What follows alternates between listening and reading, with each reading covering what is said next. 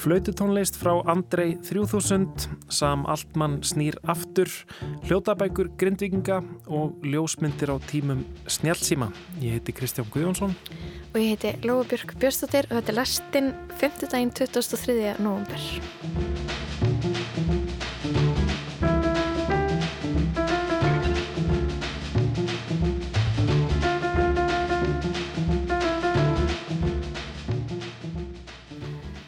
Mörgum aðdöndum Andrei 3000 úr hljómsveitinu Outcast uh, brá í brún þegar þau tók eftir í að ný plata frá listamanninum var panflöyt tónlist Já, Davíð Róts Gunnarsson, tónlistagagrindi lestarinnar er einn af ótal aðdóðandum rapparans um, þekta úr, úr hljómsveitinu Outcast sem að var gríðalega spenntur þegar hann heyrði að það væri komið ný plata frá honum og um, Ég skulum bara heyra viðbröð Davíðs eh, sem var gríðarlega spendur. Ég legg áherslu á það gríðarlega spendur.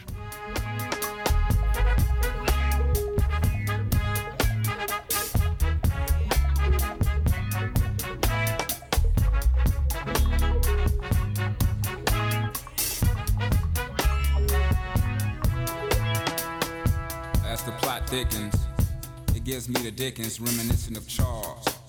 Little discotheque nestled in the ghettos of Niggerville, USA, via Atlanta, Georgia. A little spot where Síðasta förstu dag kom nokkuð óvænt út fyrsta sólóskífa Andrei 3000 sem áður skipaði Atlanta rapsveitina Outcast á svont Big Boy. Við höfum þurft að býða nokkuð lengi eftir gripnum sem heitir New Blue Sun en síðasta Outcast-plata kom út árið 2006 og ekkert hefur heist frá Andrei síðan nema einstakar gestavers hjá öðrum tónlistamönnum. Hann verðist það að varið síðustu 17 árum í að finna sig í Kaliforníu. En því miður fyrir okkur verðist hann hafa fundið sig á þessum stað.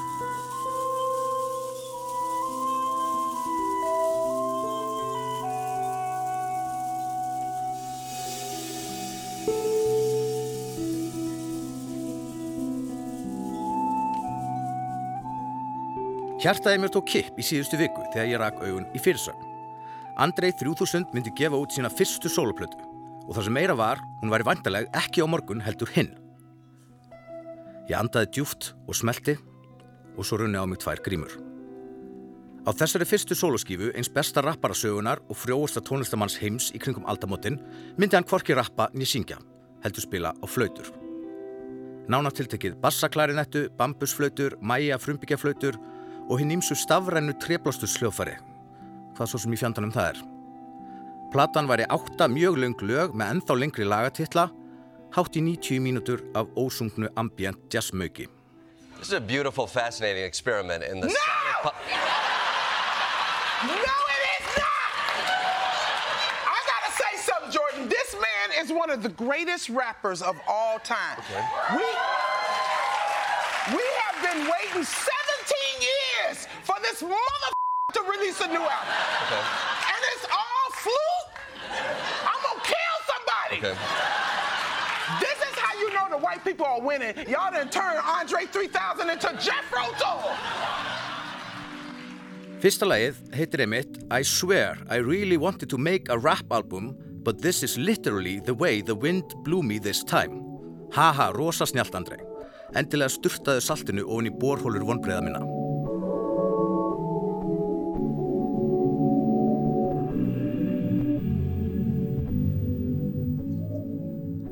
Annar lag var nefnt Dreams once buried beneath the dungeon floor slowly sprout into undying gardens. Come on, þetta hlauta var eitthvað grín. Rosa flippaður anti-káfmanngjörningur orkestreraðar til að auglýsa alvöru plötuna frá hannum sem við beðið eftir í öll þessi ár.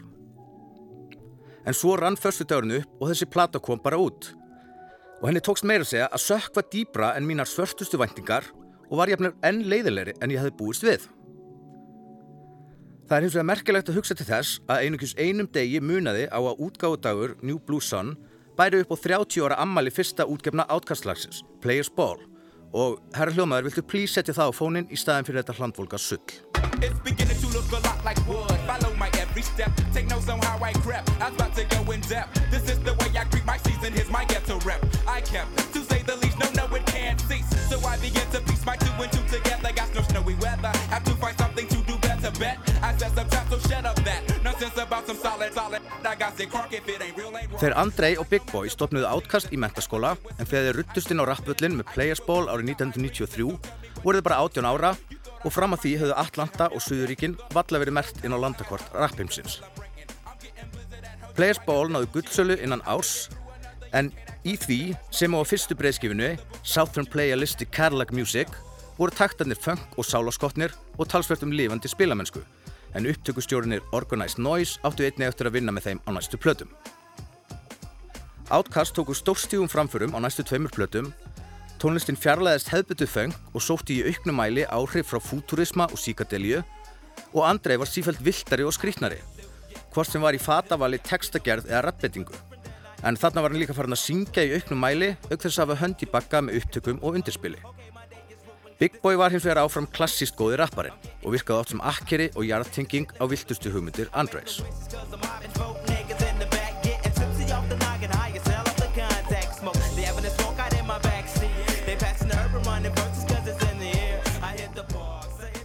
Hæstu listrænu hæðum náðu Outkast þó á plötunum Stankonia frá 2001 og Speakerbox The Love Below sem kom 2003.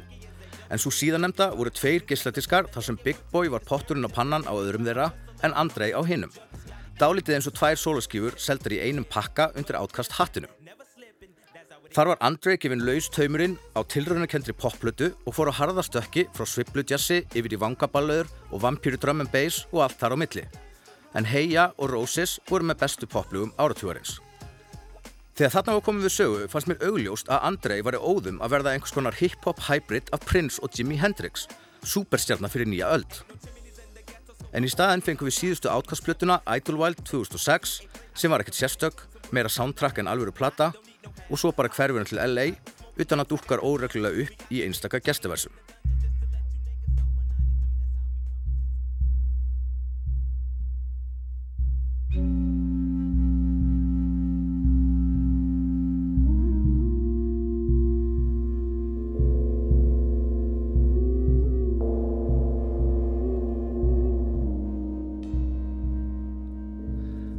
Andrei kvið vera partur af einhvers konar wellness senu í Los Angeles og hreinlega allt við þessa plötu og tilur hennar til að mynda vemmili í titillin New Blue Sun ángar af Englaborginni og hennar verstu og tilgerðaliðustu hliðum. Maður sér fyrir sér glútenlaus vegan kaffehús sem selja júrtaseiði á 30 dollara þar sem sjálfhverfastu Hollywoodliðið og fyrtustu tech-hipsternir hittast til að ræða mikrodóseringar, lítalækna, nýjasta gúrúin sinn, tískuströyma í hráfæði og bera saman testlukar sínar.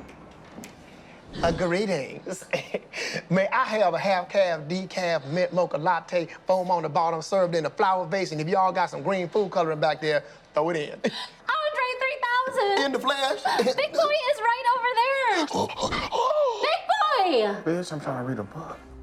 Fólk talar um að þetta sé svakalega hugrækt skref, en mér finnst það ekki merkju um hugrekki hjá yfirgengilega hæfileikaríkun listamanni að koma ekki neinu út í heiminn svo heiti getið í heil 17 ár. Það hljóma frekar eins og ótti, ótti við mistök. En svo núna þegar hann loksins kemur einhverju frá sér, þá vilur hann smæstu laugina sem fyrirfinnst til að busla í. Rallauðsa nýjaldar jazz fyrir jókatíma, senherbergi og orskusteinabúðir. Það er til alveg nógu mikið að friðrikum Karlssonum að búa til slökunatónlist í heiminum.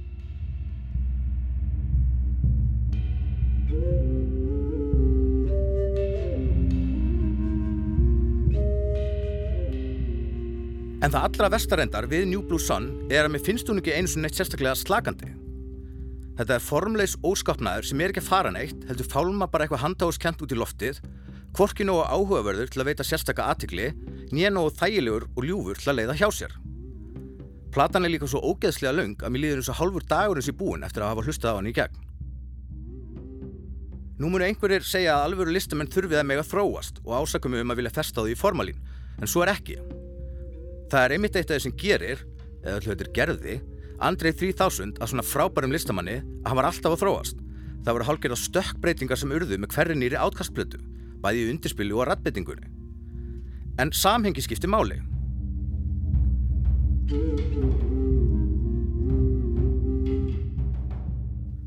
Listamenn meiga og eiga auðvitað að þróast. En það hlýtur að með að gera kröfu um einhverju hugsun á bakvið framvönduna. Það er tæplega þróun ef það er á engan hátt byggt á því sem á undan kom. Þetta er svona eins og ef Beyoncé myndi hætta að syngja og byrja ekki út harmonikuplötur. Eða eitt besti fótballtamæður í heimi hætti á hátindi félagsins á besta aldri og tilkynni svo comeback mörgum árum síðar. En ekki í fótballtan, heldur allan að ganga til liðs við Botsaklúp Bólungavíkur. Svo finnst mér líka eitt fyrir hann að hætta ekki úr tónlist, flytja til LA og dunda sér með flautu í einhverjum trómurring. En að taka trómurringin upp og gefa út sem fyrstu soloplötunni þennan þegar 10 miljóna eru búið að býða eftir alvöru plötu í 17 ár, þá finnst mér eiginlega bara ósvífið. Það er allavega algjör lámarsvirðing þá frekar að finna annað listamannsnafn og gefa út sem hliðarverkefni. Andrei var alltaf leitandi og speysaður sem var auðvitað stór partur að því sem gerða hann svona frábæran listamann. En með við þessa plötu og nýleg viðtöl virðist hann sokkinn svo djúft ofin í kviksindi kakosins að það er spurning hvort hann eigi afturkvæmt. En ég leiði mér allavega að halda í vonina um að hann muni einhver tíman aftur gera eitthvað jafn trillingslega fallegt og þetta. Yeah,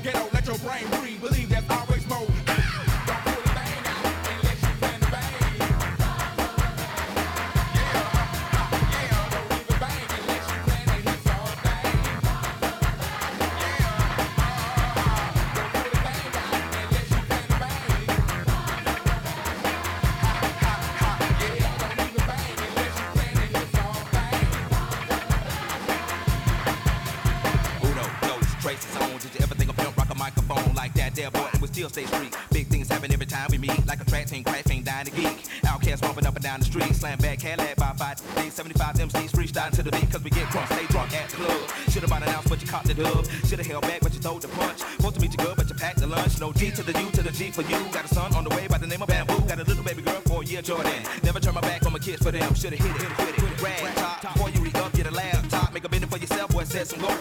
Make a fat dime out of dusty cold. Reckon number four, but we on the road. Hold up, slow up, stop, control like Janet. Planet, stake only, it's only a moving like floor, come straight to Florida. Lock on your windows and block the quarters. Put it up on belt, cause the weapon's in order. Like a three-piece fist before I cut your daughter. Your kettle taco bell, then I hit the border. Pity pat rapper trying to get the five. I'm a microphone fiend trying to stay alive. When you come to ATL, well, you bet not high, cause the Dudley family gon' ride.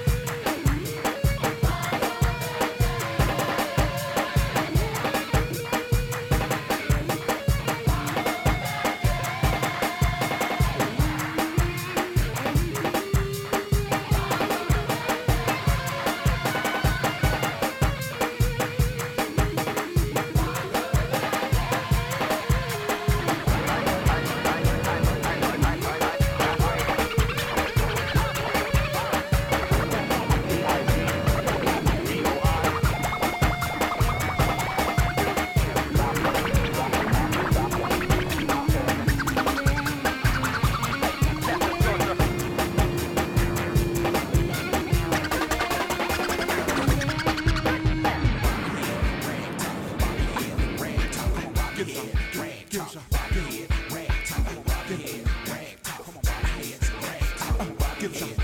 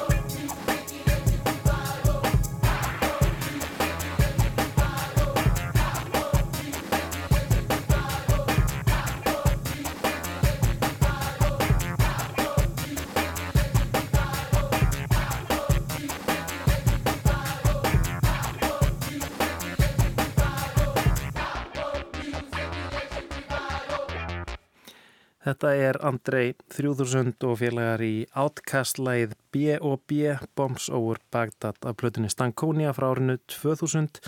Davíð Róts Gunnarsson er mikill aðdáðandi rapparans en hann var ekki bara vonsvikinn með þessa nýjustu plötu hans New Blue Sun heldur hann var hreinlega reyður það sögð á honum þegar hann kom inn.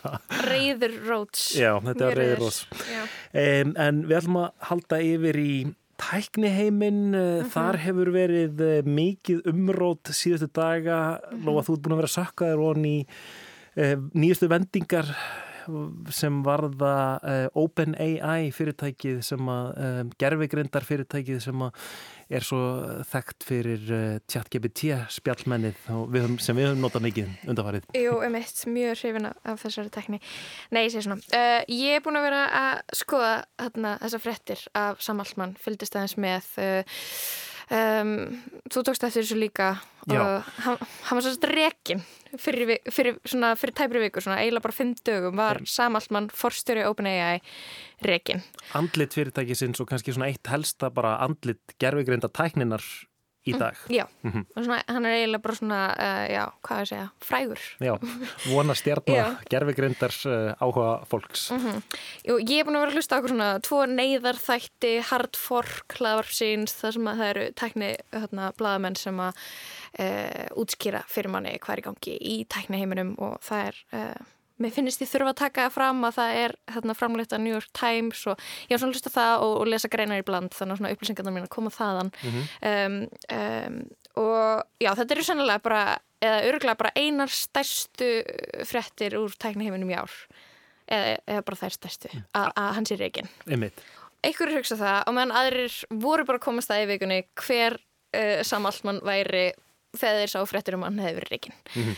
um, en þarna Já, hann er svolítið forstjóri OpenAI og OpenAI það er svolítið áhugavert fyrirtæki út af því að það er uh, tvískipt. Það er svolítið OpenAI Incorporated sem er rannsóknum fyrirtæki uh, mm. sem er hérna non-profit, svolítið ekki rekið með gróða uh, hug, hugsunum. Mm. Já, svolítið ekki rann að græða peninga. Ekki hagnaðadrifið. Já, ekki hagnaðadrifið, óhagnaðadrifið. Mm. Ég veit ekki alveg hvernig því enginn á non-profit er. Og mm. svo er það með dóttufyrirtæki, þarna OpenAI Global og, og það er þarna það er for profit það er hagnaðardrifið fyrirtæki, það er fyrirtæki. Okay. og þarna þannig að það er strax eitthvað sem er óslega sérstatt við þetta fyrirtæki að þarna takast auglustlega á okkur svona hagsmunir mm. uh, þarna og, og frá þessu fyrirtæki eins og þú tókst fram á þann þá komu kom, þau að gefa út spjallmunni þarna chat-GPT og GPT-4 Dalli, hann að myndaforritið sem var svo vinsælt um árið og bara fyrirstutt síðan sendi frá sér yfirlýsingu um að þau gætu ekki tekið fleiri á, við fleiri áskriftum á GPT Pro út af því að það var bara, þú veist, þau önnuð ekki eftirspurt. Þannig að mm. um, og ég held að þau, þetta er bara, þetta er bara stærsta fyrirtæki í svona almennri gerfugrind í dag mm -hmm. og gengur best og mest áhuginu fyrir og eru komin lengst að þér verðist. Algjörlega í farabrotti að þróa mm -hmm. þessa tæknin sem er að um, já, gjörbylta samfélagin okkar um, vilja allavega margi meina. Mm -hmm. Og svo þarna 17. november þá uh, tilkynir ópenægjaðin það að þau ætli að, uh, já, að, að samallmann hafi reygin og bara hlutabriðið við fyrirtækinu hríðfjallu. Um, Þetta er svolítið eins og svona bara Mark Zuckerberg væri allt í unni reygin frá Facebook. Þetta er bara nák nákvæmlega þannig. Já. Hann er einn af stopnendunum og hann er, hann er svolítið aðal.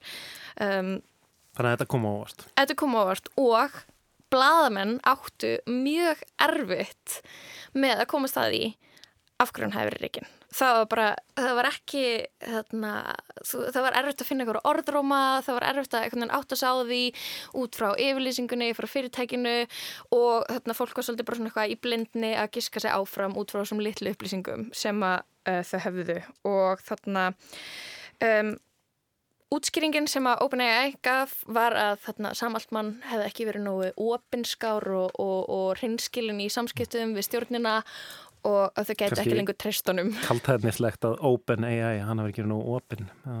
Já, allavega þetta stjórnin tristunum okay. ekki lengur til þess að mhm. leiða fyrirtæki. Og svo bara í kjölfara þessu þá bara fara stjórnendur innan fyrirtæki sem segja af sér og þarna um, til, til, já, út, út af því að þau þarna, til stuðnings við þarna, Sam Altman. Ok, fannst þetta ósengjant mm, já, og bara allt verður þarna, svaka tilfinningaríkt á, á X-inu eða Twitter mm -hmm. þar sem bara starfsmenn OpenAI eru bara að senda hjarta og bara týstati stuðnings við Sam Altman og hundruð starfsmanna fyrirtæki síns hóta að segja af sér. Það er glundróði hjá OpenAI mm -hmm. okay. Algjörlega mm -hmm. og bara, og fórseti hérna OpenAI Greg Brockman saði af sér, ég veit ekki hvað það segir fólki ég veit ekki hvað svo mikið fólk er inn í eða, þessi fyrirtæki um, en sko ástæðan fyrir því um, að þarna að, að hann svona, nýtur svona mikinn stöðning svona er svona aðeins flóknæri heldur en bara það að, að Sam Altman sé besti og frábæristi hérna, yfirmæður sem hættur að hugsa sér. Okay. Það er sko um, að miklu leiti til út af því að hann,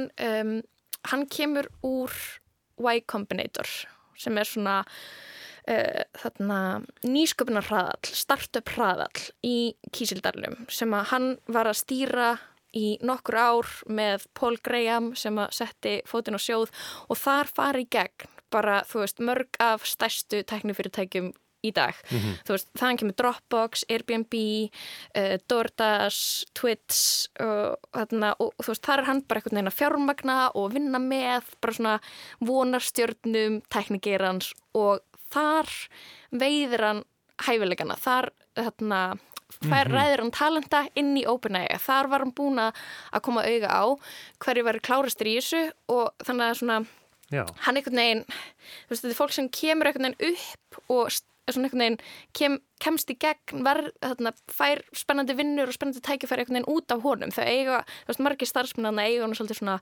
sinn feril að þakka mm -hmm. ef mhm. það er eitthvað sem megasans Ok, það er allt í háaloft mm -hmm. um, starfsfólkið eh, er ósátt að því að það uh, tengist samaltmann margt uh, svona alls konar böndum mm -hmm. hótar að hætta með honum en sko veit einhver ennþá hvað af hverju hann hefur verið reygin, um, einhverja kenningar? Já, svona fólk, svona þeir blæðamenn sem ég hefur verið fylgjast með hafa aðlega verið að giska á, uh, á að ástæður brottrekstarins hafi verið þessi flokna samsetning fyrirtækisins. Þannig að þessi tvö ólíku uh, sjónamið, ólíku hagsmunir, rannsóknir á móti viðskiptum, mm. peningum. Já, um, sem hagnaðadrifna og óhagnaðadrifna. Já, já, já, og stjórnin, svo sem að segir allt mann upp er uh, skipuð að stórun hluta af bara sjálfstæðum fólki sem á hana, enga hagsmunni eða hefur ekki á ekki hlutabref í fyrirtækinu. Ah, ekki, ekki hlutafar sem sagt eins og kannski yfirleitt í svona fyrirtækjum. Já, já og samallmann hann á sjálfur ekki hana, hluti hmm. fyrirtækinu. Og er það bara því að þetta, er, uh, þetta óhagnaða drifna hérna, mm -hmm. rannsóknar fyrirtæki í rauninni? Já, já. já okay. og, þarna, og þá er, er aðalega þarna uh, aðal fókusin á uh, eina manneski í stjórnunni sem heitir Helen Toner hún uh, er rannsakandi hjá Georgetown University og hún er í stjórnunni og hún í lóks síðasta ár skrifaði grein þar sem hún gaggrindi, reytinita grein ekki blaga grein, mm -hmm. þar sem hún var að gaggrina uh, OpenAI og okay. fyrir að hafa sendt eða já, gefið út ChatGPT uh, svona snemma og, og, og með því að einhvern veginn gefa út ChatGPT hafi, þú veist, það hefur skapað eitthvað svona þristing og önnur tæknifyrirtæki til þess að senda frá sér uh, hugbúnað eða eitthvað vöru sem er ekki tilbúin, það er ekki búið að geta að öryggi og það er ekki búið að fylg, hérna, pæla ná mikið í, í siðferðis sjónameginu mm -hmm. og, og svo eitthvað talar hún um í framhaldi að þarna uh, nefnir hún fyrirtækið Anthropic uh, að þau hafi mitt ákveðið að gefa ekki út spjallminnið Claude uh, mm -hmm. Af, af, af þessum ástæðum það er sérst Anthropic, það er að nefna það að það er fyrirtæki sem er stofnað fólki í samkeppni við OpenAI sem gekk út úr OpenAI út af ósetti við samallmann Ok, þannig að þetta eru líka þá kannski á vissanátt átök um einmitt uh, hvort að það er bara að drífa þessa tækni út, drífa hana áfram mm -hmm. eða að gera það svona uh, hægt og rólega með, með öryggi og, og mhm. siðferðileg sjóna með, mm -hmm. já. já. Og samáltan stendur fyrir hraða íta þessu áfram, árangur áfram ekkert stopp. Já, þetta er svolítið svona, þetta er svolítið þannig, það er eiginlega einfalda útskýringin. Og þarna það sem gerðist var að eh, eftir fymta af kási í fyrirtækinu þá uh, ákvað stjórnin að uh, reka þrjá stjórnamöðlumi þess að þrjá hérna, sem að eru kannski svona um, vísinda rannsóknar hliðin, Helen Tóner hliðin og ráða sam allt mann aftur sem forstjóra Og já, svo verður sem að eh, ennið daginn í Kísildalunum hafi kapitalismin segrað uh, vísindin og rannsóknir. Ennið dagur uh, í, í Kaliforníu, Kísildalunum. Þetta er nokkur með svona. Aðeinslega, takk fyrir að útskýra þetta fyrir mig og ég hef ekki þórað að fara onni í þessa fréttir. Þetta er svo mikil neginn. Já, þetta getur verið það. Emmitt, en við ætlum að snú okkur yfir í allt, allt annað. Við ætlum að halda til Grindavíkur halda áfram að heyra hljóð dagbækur frá grindvingum nokkrum af þeim sem að þurftu að flýja heimili sín fyrir núna tæplega tveimu vikum síðan.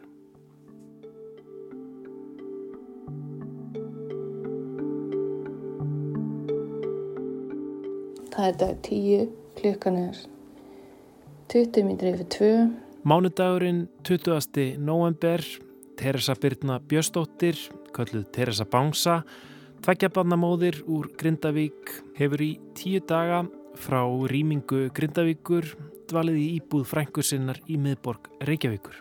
Ég er búin að fara út með mömmu og hjálpa henni að vesla inn og bera það upp fyrir hana og fara með pappa og mömmu og bróðum mínum að skoða einhverja íbúð. Er pappi farin að skoða einhverja íbúð til að einhverja hús með þreymur íbúðum í, ég ætla bara að fjárfesta í því svo við getum verið alls saman og ekki allir inn á ykkurum og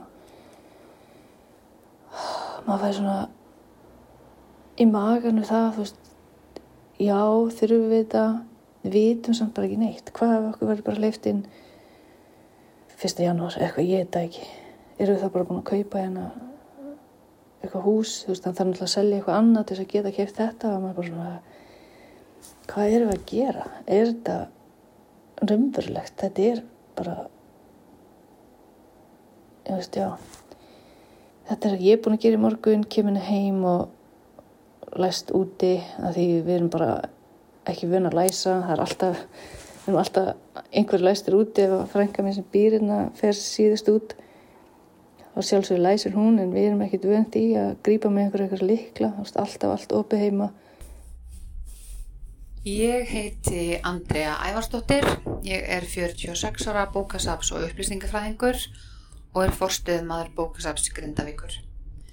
Ég á tvo stráka, Björgvin 16 ára og Þorgir 14 ára og við erum búin að búa í Grindavík síðan vorið 2015, hann er að það er komið á nýjunda ár síðan við fluttum þangað og strákarnir mínir báðir myndu algjörlega segja að þeir séu grindukingar. Um, það er 20. og 1. november í dag. Þriði dagur, það eru 11 dagar frá því að Andrea og sinir hennar þurft að rýma heimili sitt í Grindavík. Og ég fekk að fara inn í Grindavík í dag í þriðja skipti frá rýmingu til að bjarga vermaðtum, sækja dótið okkar af því að við erum komið íbúð í Savamýri í Reykjavík og ætlum að reyna að búa okkur til heimili þar allavega næstu mánuðina með þeim fyrirvara að við förum aftur til Grindavíkur yfir höfuð. Teresa Bangsa. Ég held að ég myndi sleppa að því að ég var ekki búin að greina þetta og svo var pappi að ringja og segja að hann hefði fengið tilbúið samþygt í þetta hús sem hann var að bjóði og þá fór ég bara að grænja yfir því að það er umverulegt mér langar það ekki. Mér langar ekki að þetta sé umverulegt þú veist að ég bara skammast maður sín svo. Mamma skammast sín fyrir að hafa ekki tilfinningar Ég skammast mín fyrir allt drastli sem er inn hérna inni hjá frængumunni eftir nefn á bönnin. Ég er bara yngu standi til að, þú veist, fara með ruslið að þrýfa eða elda. Veist, við erum bara einhvern veginn hérna eins og zombjar inn á henni. Húsið eins og springja, eitthvað dóti sem við tókum í flíti. skammast mín fyrir að fyrir hvað ég hafði það gott mér langar bara þráði ekkert heitarhaldan að líka í pottinum heima og hlusta á sann íslega sakamál bara á miðnætti í þögninni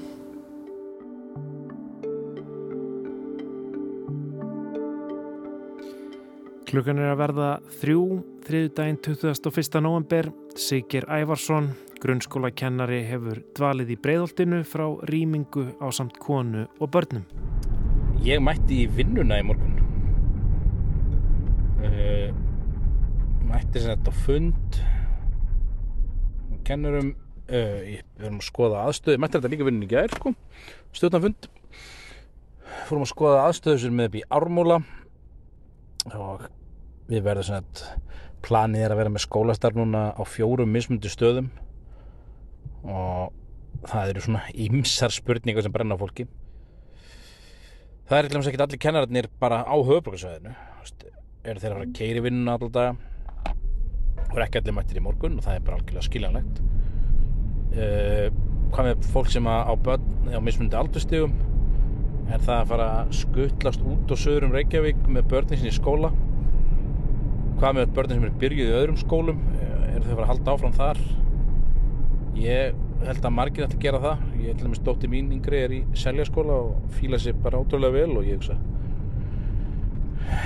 svona hún verði þar til jóla að mista kosti. Svo skrítið að vera að fara eitthvað byrja að vinna í þessu ástandi og þetta er allt svo óljóst og, og við erum bara að fara í eitthvað svona dútt held ég sko.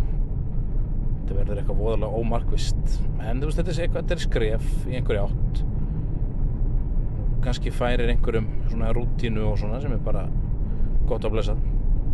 En djöfull afsækja orðbæði hata ég umferðin í Reykjavík og það eru svo fáránlega margi bílar hérna. Þú veist það eru engin bílastæðin í árumólunum og ég veit að fara á söðarsbötun og það er engin bílastæði þar og þetta er eitthvað sem ég sakna lítið. Ég enda bjóði Reykjavík lengi.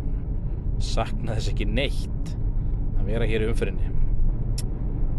Otti vinnu minn fyrir að forma á landsbjörgar Björgunstamærgunda eitthvað í kastljósunni gæð til að hans að stappa stálinu í Grindvikinga sem ég held að það hefði verið mjög gott. En mér finnst ég alltaf að vera að heyri fleirum og fleirum sem að bara treysta sér heimlega til að búa í Grindavík. Áfram, sama hvernig þetta fer allt saman.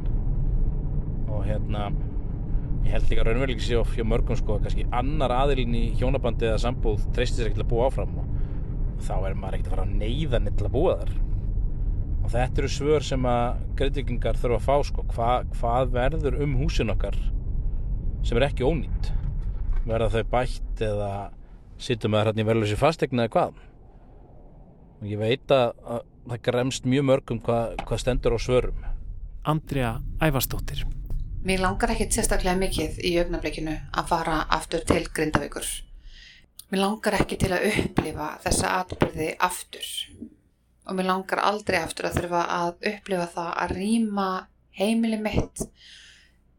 Veit ekki hvort ég get sótt hitt eða þetta. Hafa ekki aðgangað mínum hlutum og síst af öllu að vera upp á aðra komin til lengri tíma. Ég bý hjá mömmu minni. Við erum sem sagt þrjú fjölskyldan og mamma í 56 fermetra íbúð eitt svefnumbreki og það er bara rosalega þröngt. Ég er reynda búin að fá íbúð til leigu en veit ekki alveg nákvæmlega hvernig ég fæ henn að afhenda en þetta eru alveg búið að vera rosalega erfiðir 11 dagar að svo mörgu leiti Teresa.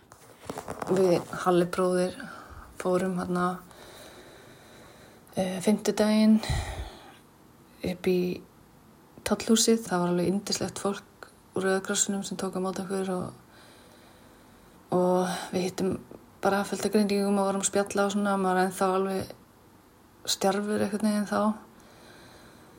Og það var hérna fjölskylda sem sagði við ætlum heim, við ætlum heim. Og og þá tók næstu við, já ég ætla heim. Og svo horfði það mig og beði eftir ykkur og ég bara gata ekki svara gata ekki sagt ég ætla heim að því ég veit ekki hvort ég þóri en á sama tíma þú veist, þetta er náttúrulega leðinni nokkur dagar núna get ekki hugsa mér nýtt annað heldur en að fara heim ég siti inn að andaka á nóttinni að reyna að hugsa um einhvern annan stað sem ég get ímynda mér að búa á þú veist, hafnafyrði, syklifyrði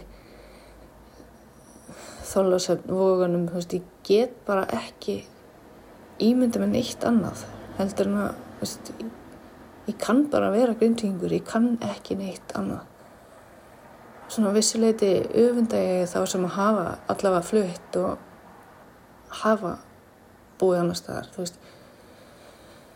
Það er bara engin staði nógu góður, alveg saman hvað ég reyna að hugsa. Þetta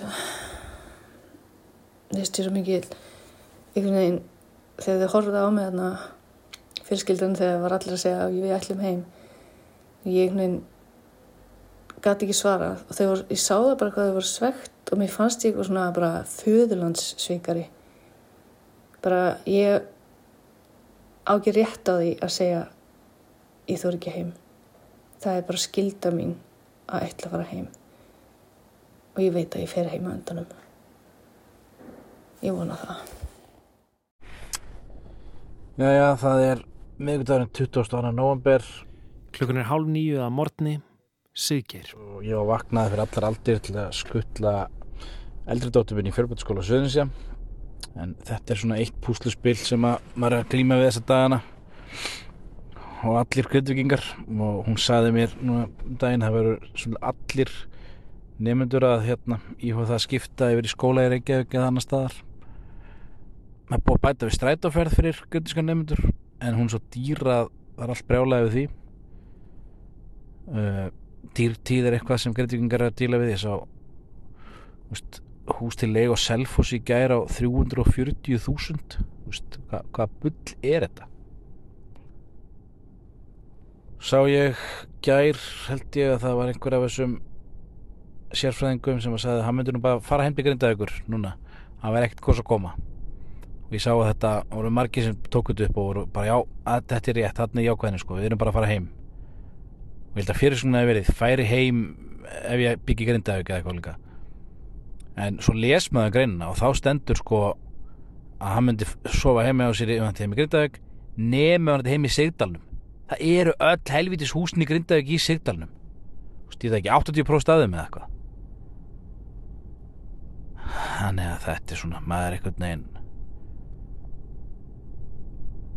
ég veit ekki ég er nú tala mikið um að halda í jákvæðun og vonun og allt það en en ég er svona svona, hvað að segja ég ætla ekki að segja úrkula vonar en, en maður er svona farin að sætta sig við það að þetta verði öruglega helviti langu tími saman hvernig það fyrr Komiði sæl. Verulega hefur dreyið úr virkni og styrk jarðskjálta á Reykjaneskaga. Almannavarna stig verður lækkað af neyðarstígi niður á hættustig frá með klukkan 11 í fyrramálið. Klukkan að verða 11 kvöldi, 23.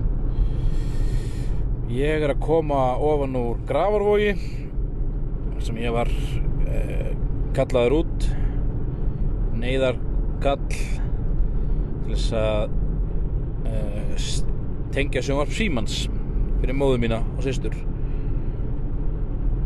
þær eru sett í íbúð þar sem fengu sem er einhver frænka einhvers sem er sýstir einhvers eitthvað, ég, ég náði því ekki einu snið það er sett eigandi er út á Kanari og þær fengi að vera þannig billi og þær eru já, hvað við segja? Það er druknindrasli þær eru náttúrulega með, þær eru þrjár og þær eru með alveg hellingadóti sem við erum búin að taka. Tóku náttúrulega sko voru með stóran bíl heima þegar það máttu fara og það er hlóðu bara í hann. Og eins og fólk gerði bara tók bara tók og tók og vissi ekkert hvað, var, hvað byði þannig að þær eru með mikið dóti og nú býður þeirra það verkefni að einhvern veginn að koma eitthvað dóti í geimslu og hérna Uh, við fórum inn í Grindavík í dag og það gekk ótrúlega vel. Það voru hérna bara lítið að gera og við fengum framlengdan tíma því að það var bara björgunistabílinni byðu í röðum eftir að komast inn í Grindavík og fórum bara beint, beint ákað inn. Og hérna náðum í eitt og annað og við erum ennþá með, við, það er þá ramagn húsin okkar og það er heitt vatn og kallt annað en í stórhaldabæðurins ég hopp skauðslíkinni á mömmu og hérna sló inn ramagnu henni því að þegar ramagnu fyrir af þá fer einhver lekaliði út sem þarf að slá inn handvirt þannig að það er indælis lykt úr fristikistunni með mömmu og húsin er alltaf ískallt en svo bárastu tíðindi í kvöld að það ætti að færa hættustíði niður eins og úr hérna, hvað heitir það, úr neðarásandi yfir í hættustíð ég held að fólk verðast að átta sig á því að það er samt, þó, þó að við fáum einhverja hérna uh, meiri hérna, meira sveirun til að fara heim núna þá er langt yfir fáum að fara heim heim. Og hérna og svo hefum við búin að fylgjast með umræðin dag á Facebook og það var einhvern spurði um hópi dag bara hvernig fólki liði með að fara heim. Og það var rosalega margir sem að sá ég sem að bara grindvikingar sem að þetta alltaf æfi eða, eða stóran partur æfinni og, og það geta bara ekki að hugsa sér að fara heim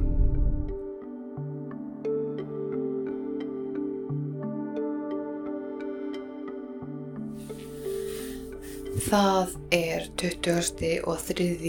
november 13. dagur Andru sem flóttakona í eigin landi. Ég sitt hérna át í bíl og er nýbúin að keira Þorgeir són minn sem er 14 ára í laugalækjaskóla þar sem að hann er að byrja í nýjund vekk í byli.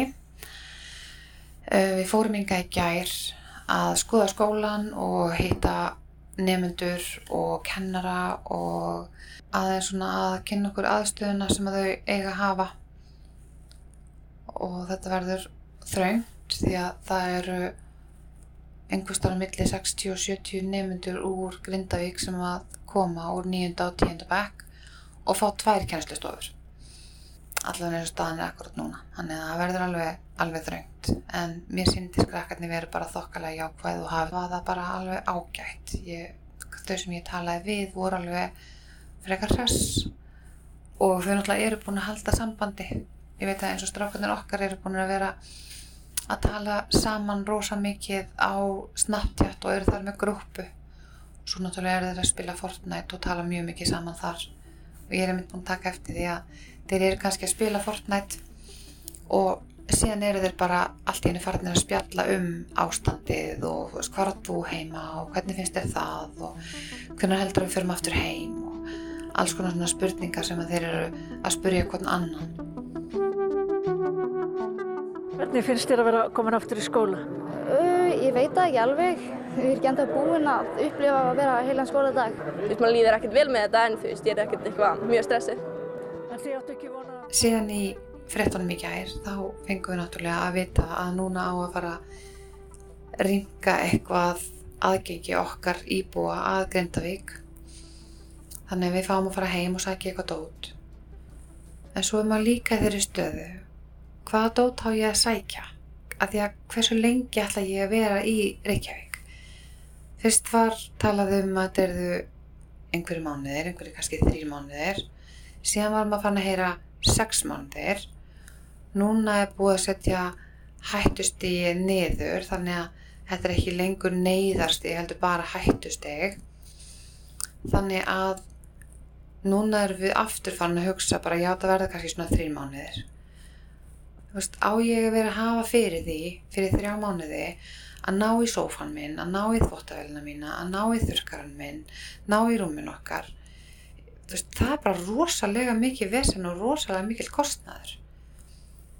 Við getum fengið sófagefins og við getum fengið uh, gamlan þurkaragefins. Þú veist, þannig ég er svona á ég ekki bara að taka því og sætta mig við það í einhverja þrjá mánuði og bara leif dótinn mín að vera áfram út í Grindavík þú veist þar sem að það er af því að mér sýnist á öllu að við séum flytja aftur tilbaka sama hvort að mér langar til þess eða ekki.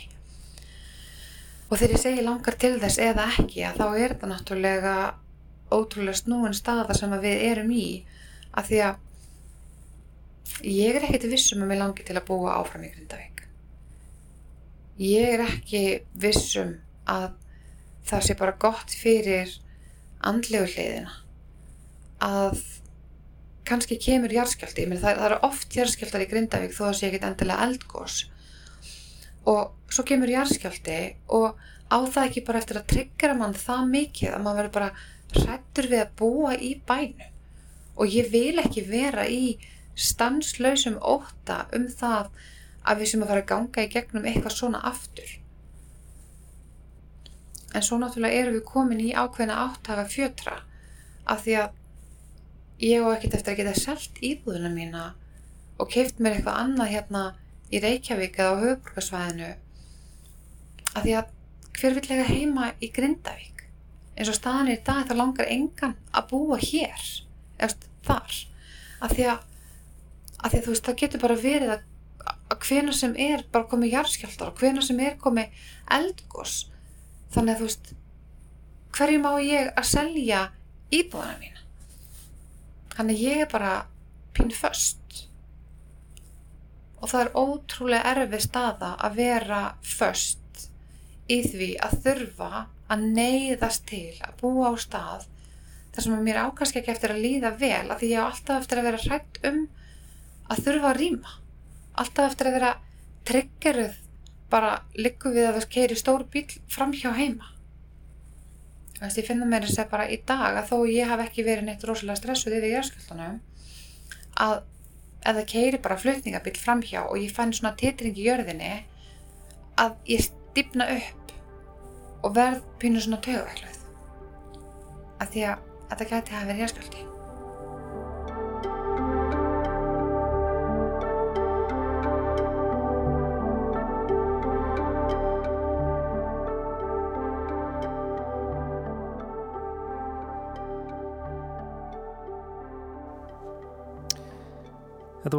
voru hljóðdæk dagbækur grindvikinga sem að þurft að flýja heimili sín fyrir tæpum tveimu vikum síðan við heyrðum í þeim. Andriu Ævarsdóttur, Teresu Bangsa og Sigeri Ævarsinni og um, já, við bara vonum, vonum að þau komist sem fyrst heim til sín. Mm -hmm. Grindavík allavega komin af neyðastíði núna komin niður á hættustig um, þannig að það er allavega svona um, ástæða til þess að vera bjart sínni. Mm -hmm. Tónlistin í þessu einslægi eh, eins og öllum hljóðdagbóka einslögunum er eftir Nikolas Godin eh, sem er úr hljómsveitinni Er og uh, mér dætti huga við myndum kannski bara enda þennan 15 daginn á smá Er frá þeim góða franska duett. Já, það hljóðum bara nokkuð vel. Lest, já. já, við spilum lægið Playground Love sem er af blöður í Moon Safari. Já, lestin er komin að leðalega komið í dag og þessa vikuna við Kristján Lóa þakka samfélgina. Tæknumæður var Lítja Gretastóttir. Verið sæl.